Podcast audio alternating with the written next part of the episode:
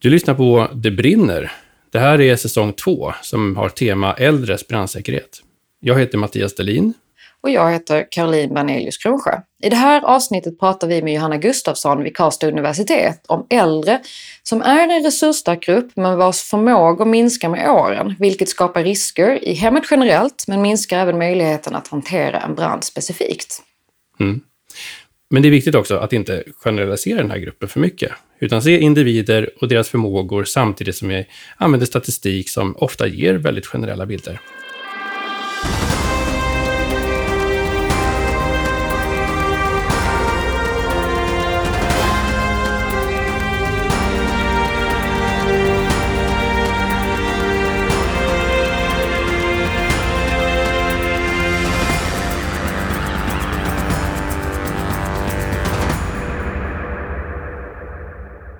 Ja, Karo, välkommen tillbaka. Nu är det dags för säsong två. Men eh, om vi tar med oss lite, vad, vad hände i säsong ett? Vad tar vi med oss in i den här säsongen? Säsong ett eh, handlade om bostadsbränder generellt, eh, som egentligen är någonting som vi alla kan drabbas av eftersom vi alla bor. Vi tittade lite på vilka dör i bränder? Vilka kan vara de lämpliga åtgärderna för att eh, kunna hantera en brand? Eh, men kanske också för att eh, minska konsekvenserna av en brand. Även om du kanske inte gör någonting själv, som till exempel ett sprinklersystem. Mm. Och det brinner, ju, det brinner ju ganska mycket, mer än 20 000 bostadsbränder varje år. Men det mesta går ganska bra. Ja, och räddningstjänsten rycker ut ungefär 6 000 gånger till just bostadsbränder om året. Mm. Och vi kunde också konstatera att en liten brand kostar inte lika mycket att sanera efter som en stor brand.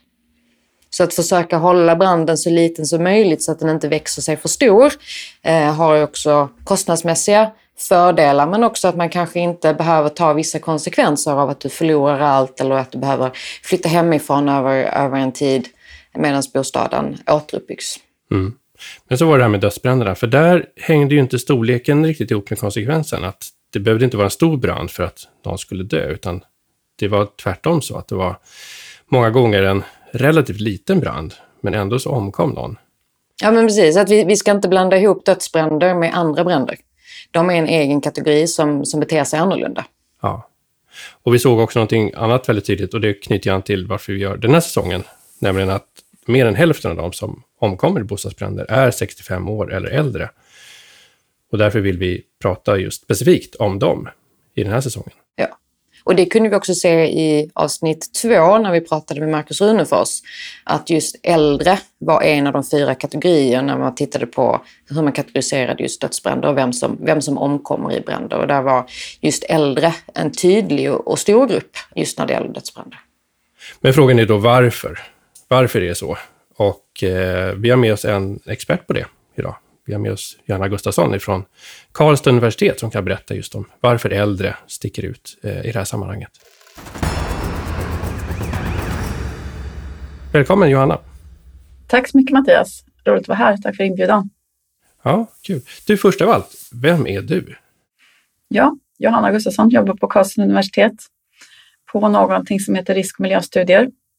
Det är ett väldigt tvärvetenskapligt ämne och här samlas alla möjliga kompetenser kring risk och miljöfrågor. Eh, men sen jobbar jag också på Centrum för forskning om samhällsrisker och är föreståndare där. Och då är det just ännu mer av en smältdegel med olika kompetenser som samlas kring riskfrågor och hur man kan lösa dem, förhoppningsvis. Vi håller inte på så mycket med finansiell risk, men vi håller på med det mesta andra. Från vardagsolyckor till eh, stora katastrofer, mycket med inriktning på naturhändelser. Men jag personligen håller mest på då med eh, personsäkerhetsfrågor och har ett ganska så folkhälsovetenskapligt utgångspunkt. Jag är sjuksköterska till professionen, så det är en tillgång när vi ska prata om äldre och deras situation i vardagen. Mm, ja, verkligen. En annan fråga. Podden heter ju Det brinner och då måste vi ju fråga, har du haft en brand hemma?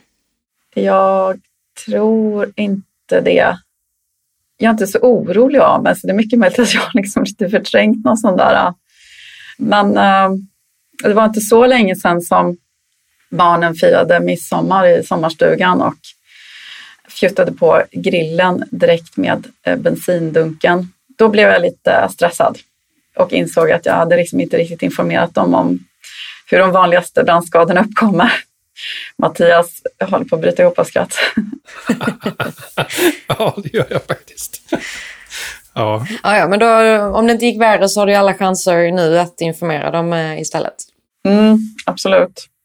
Ja, men äh, jag har ju hållit på med, med brandfrågor en del och, och, och tittat. Det var ju rätt länge sedan, det är nästan snart tio år sedan som vi i forskargruppen här på Karlstad Eh, tillsammans med Lund började att titta mycket på dödsbränder och bränder i bostad. Fokus på eh, en utgångspunkt från individen. Det är mycket liksom tekniskt och ingenjörsmässigt gjort på brandområdet så det fanns en, en lucka i forskningen där. Mm. Ja, jättebra. I förra säsongen så pratade vi också om, om mycket av den forskning som kom efter 2009 när det var flera bränder som gick hemskt illa i Sverige. Och där var ju du också involverad i mycket av det arbetet. Men om vi då tänker så här, för att, att, bara vara äldre är inte en risk i sig, utan det är andra saker som, som händer som gör att den här gruppen syns. Kan du berätta mer om det? Ja, det är inte unikt för bränder att äldre är överrepresenterade, utan så ser det ut i alla skador i stort sett. Undantag kanske från motorcykelolyckor eller någonting sånt där. Mm. Och de har en gemensam nämnare? Om nu äldre är överrepresenterade i, flera kategorier och inte bara bränder så tänker jag då finns det en gemensam nämnare någonstans. Eller är det att, att man blir äldre? Nej, nej men det, jag tänker att man kan ringa in det i att man tappar förmågor och att det är, liksom, är en gradvis process som kan vara lite svår att upptäcka. Vi har säkert alla äldre i vår närhet som gör saker som ty vi tycker är tokigt. Att de fortsätter och kanske klättra i träd med träskor eller något sånt där. Livet är ju en pågående process och man, man vill fortsätta med det man har gjort och man vill liksom klara sig själv och sådär. Så att det finns ju en del saker som är väldigt inbyggt i åldrandeprocessen. Rent faktiskt så är det ju så att förmågorna går ner med tid. Alltså vi har olika degenerativa processer som det kallas. Så det handlar väldigt mycket om att hantera det som händer men sen så finns det ju mycket saker som gör detta komplext som är kopplat till hur man lever. När man är äldre så har man ju levt länge och då har man skaffat sig en massa erfarenheter och saker man har varit med om påverkar vem man är. Så att det är ju en extremt eh, diversifierad grupp. Man kan inte bara säga äldre personer. Unga personer är mer lika. De har inte hunnit vara med om så mycket saker som gjort dem olika. Så det måste vi hela tiden ha med oss när vi, vi pratar om äldre personer. Att vi kan inte bara säga bang, alla äldre, plus 65 eller något sånt där. Men de facto kan vi inte heller blunda för att statistiken talar sitt väldigt, väldigt tydliga språk.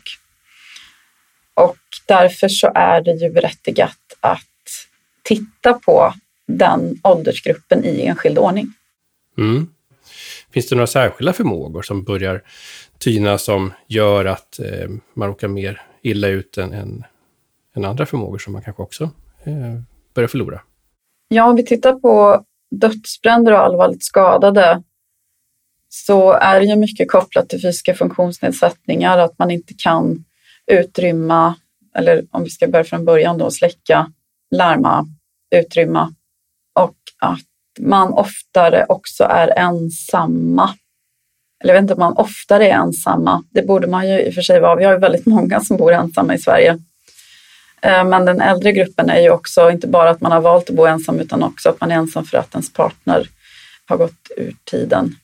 Så om man tänker så är det väldigt mycket då att förmågan sviktar men också att kompensatoriska variabler eller faktorer också har minskat. För att om du har en yngre person som av någon anledning inte har förmåga så är det större chans att det finns någon annan i närheten som kan kompensera. Mm. Om man tittar på de här förlorade förmågorna som vi tappar med tiden, är det någonting man ändå kan göra för att försöka bibehålla någon av de förmågorna som kopplar just till att kunna agera vid brand? Ja, det finns ju jättemycket saker.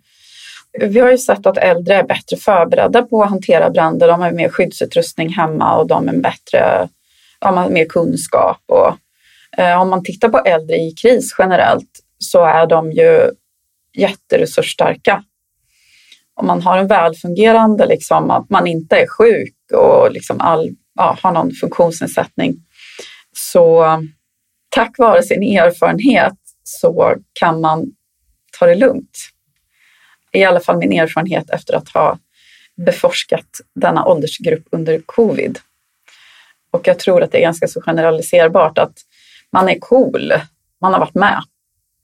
Och när vi har varit med om någonting så är vi bättre rustade att eh, hantera det när det händer igen. Just det. Så, så det du säger är att det du förlorar i förmåga kan du till viss del kompensera med, med livserfarenhet och kompetens och kanske att du också har ökat ditt brandskydd på annat sätt för att eh, säkerställa eh, att man skulle klara sig? Ja, men jag tänker att det är en ganska liten grupp av de äldre som egentligen är riskutsatta. Det är inte så att alla äldre är riskutsatta, utan jag tror att det är en ganska speciell grupp. Om, om vi tänker oss då att du är eh, fysiskt funktionsnedsatt, du är rullstolsburen och rökare eh, och du sitter i rullstol för att du har haft en stroke och är halvsidigt förlamad. Det är ju ett väldigt typiskt scenario som vi ser i statistiken. Och eh, om någon av oss skulle få för sig att börja röka så vill jag hävda att inte det är en riskfaktor för oss. Vi kan hantera både rök, eh, alltså det vi tänder cigaretten med och att hantera själva cigaretten. Men om du är den här personen som sitter i rullstol och är halvsidigt förlamad och kanske också äter lite mediciner. Man kanske tar en sömntablett så att man är lite groggy på morgnarna och det finns alla möjliga faktorer. Det är i kombinationen av de här riskfaktorerna som risken verkligen uppstår. Personen du beskriver här, ser jag för mig, är ju en person som också har kontakt med vård och omsorg i samhället. Så att det borde vara personer som vi också skulle kunna nå och veta vilka de är. Jo, men så är det ju. Det, det handlar ju om identifiering av de här riskpersonerna. Jag tror ju att det är få av dem som lever helt utanför samhällets vetskap. Man har på något sätt kontakt, oftast med hemtjänst. Då. Och där så är det lite spännande för att hemtjänstpersonalen är ju en fantastisk resurs i det här. Men samtidigt så är det en av de absolut mest överbelastade yrkeskategorierna i samhället. Så att det är inte alls på något sätt lätt att komma och säga att vi tänkte ni skulle göra ytterligare en grej här. Så det där tycker jag är väldigt spännande, hur man liksom kan organisera på den lokala nivån. Jag menar, kommunerna styr väldigt mycket själva, så det finns nog inte en lösning som man bara kan trycka ut. Men vi har ju tittat på hur man hur man kan jobba med det här som kallas för särskilt brandskydd eh, som, som MSB har tagit fram riktlinjer för. Och jag tror ju att det är jätteviktigt att man samverkar mellan räddningstjänsten och eh, socialtjänsten och äldrevården. Alltså räddningstjänsten är ju de som sitter på specialistkompetensen och jag tänker att det är de som behöver ta ledartröjan för ett sånt här arbete i den kommunala strukturen eh, utifrån vad forskningen säger om hur man ska kunna få det här att funka. Ja, just det. Men, men om, vi har, eh, om vi har lyssnare här som jobbar inom hemtjänsten, vad, vad skulle du rekommendera dem? Absolut. Alltså, jag är ganska så övertygad om att om du frågar en hemtjänstgrupp vilka i, bland era patienter eller kunder har en risk för att drabbas av en bostadsbrand så kan de med väldigt stark precision peka ut dem. De känner ju sina kunder jätte, jätteväl. Det handlar ju om rökning, men det handlar också om matlagningsbeteende. Och om man är förtjust i de där värmeljusen och om man har någon värmedyna eller annan sån här äh, elektrisk äh, fläkt och grejer. Och, och de är ju jätteduktiga på att liksom lirka och hålla på och försöka liksom få vardagen att funka. Och, men grejen är att folk håller på med vad som helst i sin egna hem hur som helst. Och eh, äldre är ju definitivt inte lättare att liksom komma med lite checka idéer. Eh, så. Nu tänkte vi att ni, du skulle sluta laga mat här, för vi tror att det är risk för dig. Alltså ni kan tänka er själva hur, hur det landar. Eh, jag har jobbat på mycket med fallskador och då finns det en förkärlek till att plocka bort mattor i hemmen hos folk. Eh, men det är bara det att nästa gång man kommer tillbaka så ligger mattorna på plats igen. Och det kan ju vara en person som knappt ens kan röra sig, men på något sätt har de lirkat sig fram till garderoben och petat ut mattan med käppen och spridit ut den på golvet igen. Alltså det handlar väldigt mycket om respekten för den äldre personen i sitt hem. Alltså hemmet är ju en jättespeciell plats för oss. Vill personer att man ska ändra, de vill inte ha något handtag uppsatt eller man vill helst inte att någonting ska, så, att, så att det handlar ju väldigt mycket om en kommunikativ process, att liksom öka förståelsen. Och har du då en person som är glömsk eller eh, tittar lite djupt i flaskan eller som har en, en historik av psykiatrisk problematik, alltså det är så svårt att föreställa sig, men, men att försöka få igenom saker hemma hos den här riskutsatta personen. Så du frågade vad kan hemtjänsten göra? Jag tror att de gör liksom jättemycket saker och att de också har full koll på massa saker som man kan göra. Rökförkläde till exempel. Om man har börjat med att säga du, du ska inte röka, ja men det kommer ju inte antagligen landa så väl. Eh, man kan säkert föreslå eh, e-cigarettsalternativ och sen så kommer man in på rökförklädet. Men det handlar väldigt mycket om att försöka möta den här personen där de är och se liksom, kan vi bestämma tider för när du ska röka så att vi kan komma och hjälpa dig med förklädet. Det blir ett arbetsmiljöproblem också för du vill inte sitta bredvid en person som röker. Så att om vi föreställer oss vardagen, den vardagliga praktiken för en hemtjänstpersonal, så det kanske verkar straight forward att använda rökförkläde men det är inte helt lätt. Nej.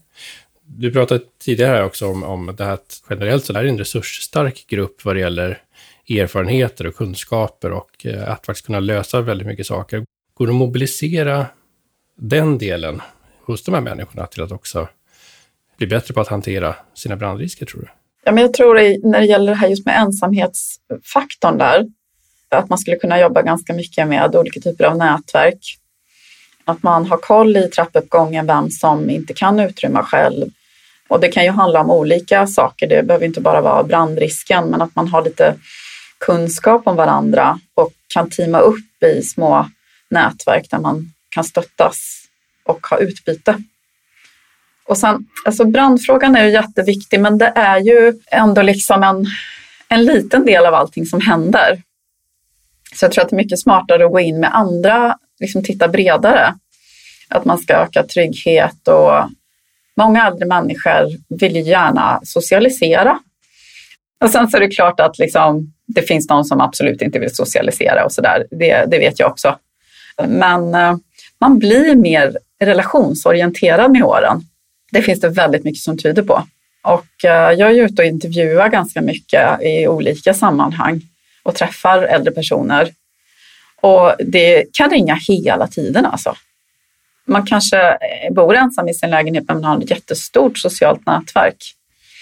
Och eh, jag har också sett exempel på där man har organiserat med olika typer av att man i bostadsområden har vissa sådana trygghetsfunktioner som kan koppla ihop äldre personer så att de just får kontakt.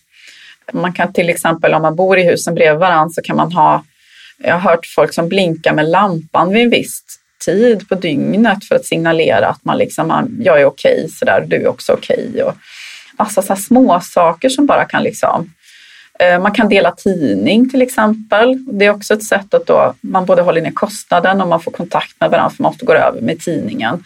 Men jag är tidig på morgonen, jag läser tidningen först och sen kommer jag över med den till dig man tänker så här, men hur ska vi koppla ihop folk och man kanske inte vill känna sig liksom övervakad eller eh, man vill sköta sig själv och sådär. Men eh, jag tror att det finns jättemycket intressanta saker i att jobba vidare med de här sakerna. Men det finns liksom inga generella lösningar utan det måste vara liksom att man ser på de möjligheter som finns. Mm. Ja, men jätteintressant. En del saker kanske inte behöver styras upp av samhället heller. Nej. Jag tycker det skulle vara jättebra med en eh, någon form av portal där man kunde ha information om riskhantering för just seniorer. Vi har ju krisinformation.se som blev väldigt aktuellt under pandemin. Och där finns det snedstreck eh, yngre, eller de har väl kanske något lite klatschigare ord, men jag tycker att det skulle kunna finnas snedstreck senior. För det finns ju också den kategorin som, alltså alla vi anhöriga till äldre personer, som också vill ha tips och råd Det är också liksom hela det, hela det här hur man ska närma sig en person som man ser börja tappa sina förmågor på ett klokt sätt så att det landar bra. Ja, ja hur gör man det? Om man ser att ens förälder börjar få eh, nedsatt förmåga och, och, och, man upplever att det finns en brandrisk. Vad, har du några råd att ge där? Jag vet inte. Jag har läst forskning som visar att de vill absolut inte ha råd av sina barn. Åh, oh, ja. Um, så man är mer positivt inställd till råd från myndigheter och från media. Så det kan väl vara ett sätt att man liksom tar en broschyr från MSB eller Socialstyrelsen och, och läser tillsammans. Så kanske det blir lite mindre laddat. De får lyssna på den podden. Ja, det kan de göra. Men sen tänker jag liksom att hela, jag menar man kanske tycker att de inte ska fortsätta med vad det nu kan vara, eh, Eh, att ha saker högt upp i skåpen eller köra bil, väldigt bra exempel. Men man måste på något sätt tänka främst på livskvaliteten, tänker jag. Att det måste få vara överordnat riskhanteringen. Och bil, jag menar, då kan man ju skada andra, så där känns det som att man kanske måste vara lite tydligare. Men om det handlar om att man vill fortsätta med vad man har för vanor så bara strukturera om i köket så att det är lättare att nå saker eller föreslå att man kan byta till eh, elektriska värmeljus istället för öppna lågor. Jag tycker det är jätteviktigt att man får fortsätta med det som man tycker är roligt och eh, givande. Men det är, så, ja, det är så svårt att säga generellt. Också när det gäller så olika tekniska hjälpmedel så har man gjort försök och sett att eh, man kan känna en trygghet om man har en övervakningskamera i hemmet. Och då kanske det mer handlar om, inte vad barnen gör, men att om man ska få välja mellan att någon kommer in i lägenheten på natten eller att ha en kamera där någon slår på skärmen och tittar, är jag okej okay på natten? Då väljer man ju hellre kameran. Mm, ja. ja, men mycket tänkvärt eh, och framförallt eh, kopplat då till eh, det här området brandskydd. Vad kan man göra för att de äldre ska få behålla sina rutiner och få behålla sin vardag utan att gå in med för mycket åtgärder som stör? Mm, precis. Vad upplever personen själv som ett problem? Är det bara vi som upplever att det är ett problem, ja, då kanske det inte är ett problem. Så länge man inte riskerar att skada någon annan eller sig själv allvarligt. Och det är klart att brand är ju det. Men åter till det här med identifiering av riskpersoner. Förutom hemtjänsten så tänker jag att det finns andra markörer där man liksom kommer i kontakt med personer som är på väg in i ett beroende eller en minskad självständighet. Och eh, en av de punkterna är när man söker ett trygghetslarm. När du söker trygghetslarm så signalerar det att det är någonting som svajar lite. Det kan vara att det bara är dottern som är orolig, men någonstans finns det någonting. Vi har sett när man går ut med kampanjer och skickar ut erbjudanden till alla över en viss ålder att vi kan komma hem till dig och titta på risker eller eh, sådär. Det är typ noll som nappar. Så det är mycket smartare att gå på de kontaktytor vi har. Och när man har då ett larm, de som larmar, det står ju också för någonting. Ofta är det ju att man har ramlat. Men varför har man ramlat? Men det är en markör för en ökad sårbarhet. Så att om man tänker effektivitet så tänker jag att det är mycket, mycket mer effektivt att försöka hitta vart, alltså de som söker ofta på vårdcentral, de som åker in och ut på sjukhus, de som ofta trycker på trygghetslarmet. Alltså då har vi, då har vi en, en högre nivå av risk generellt. Och för vissa då så kan det också föras över till en ökad brandrisk. Brand är lite intressant för du måste ju ha en tändkälla. Jag menar, det är inte så att alla som är sköra är ökad brandrisk för att de flesta håller inte på och röker eller tänder värmeljus eller glömmer plattan på spisen. Ja, jag känner igen det här med trygghetslarm från mina föräldrar. Trots att det var en olycka som gjorde att de skaffade trygghetslarm så var de väldigt obekväma med det i början. Ända tills det hände en olycka till och de kunde larma med det. Sen var de väldigt god vän med trygghetslarmet. Mm. Jag tycker att det finns något väldigt fint i att man inte vill se sig själv som riskutsatt eller sårbar, utan man, man liksom kämpar emot det där trygghetslarmet kanske, fast att vi då runt omkring tänker att vad är det som är problemet? Varför kan de inte bara förstå att de behöver det här? Och när vi intervjuar om om träning och sådär. Alltså det spelar ingen roll hur skör man är, så vill man liksom det är bara framåt och uppåt. Det är väldigt, väldigt många som bara vill, ja, man vill inte se vilken situation man är i. Och den förnekelsen kanske också är en del av problemet. Ja, vi kan se det som förnekelse, men jag tycker att det är häftigt att man inte bara säger ja, det är klart jag behöver ett trygghetslarm och jag, är ju, jag har ju ramlat nu. Och... Ja, men det kanske är den här liksom att vi kan inte gå och oroa oss för allt i världen hela tiden, för det händer ju ändå inte mig. Och det är ju ett sätt att orka med. Om man ska tro att allting ska hända hela tiden så, så skulle man gå i någon form av ständig krisberedskap. Ja, precis. Det finns ju de sådana här äh, oroliga själar liksom. Och det blir jättejobbigt. Det finns väldigt mycket i forskningen som tyder på att man fokuserar mer på att uh, umgås med dem man tycker om, vårda sina relationer, äta saker man tycker om och sådär. Så att om du är äldre och är lite trött på att dina barn vill ge dig råd och är orolig för dig så kan du be dem att lyssna på den här podden. Nej, men skämt åsido, som vi inledde med, det här är, är tyvärr en grupp som eh, råkar lite illa ute i bränder och vi vill göra vad vi kan för att minska problemet. Men eh, jätteviktigt som du säger Johanna, att vi ska inte eh, generalisera för mycket och vi ska se att det finns mycket resurser och möjligheter hos alla människor och även de här vi pratar om nu.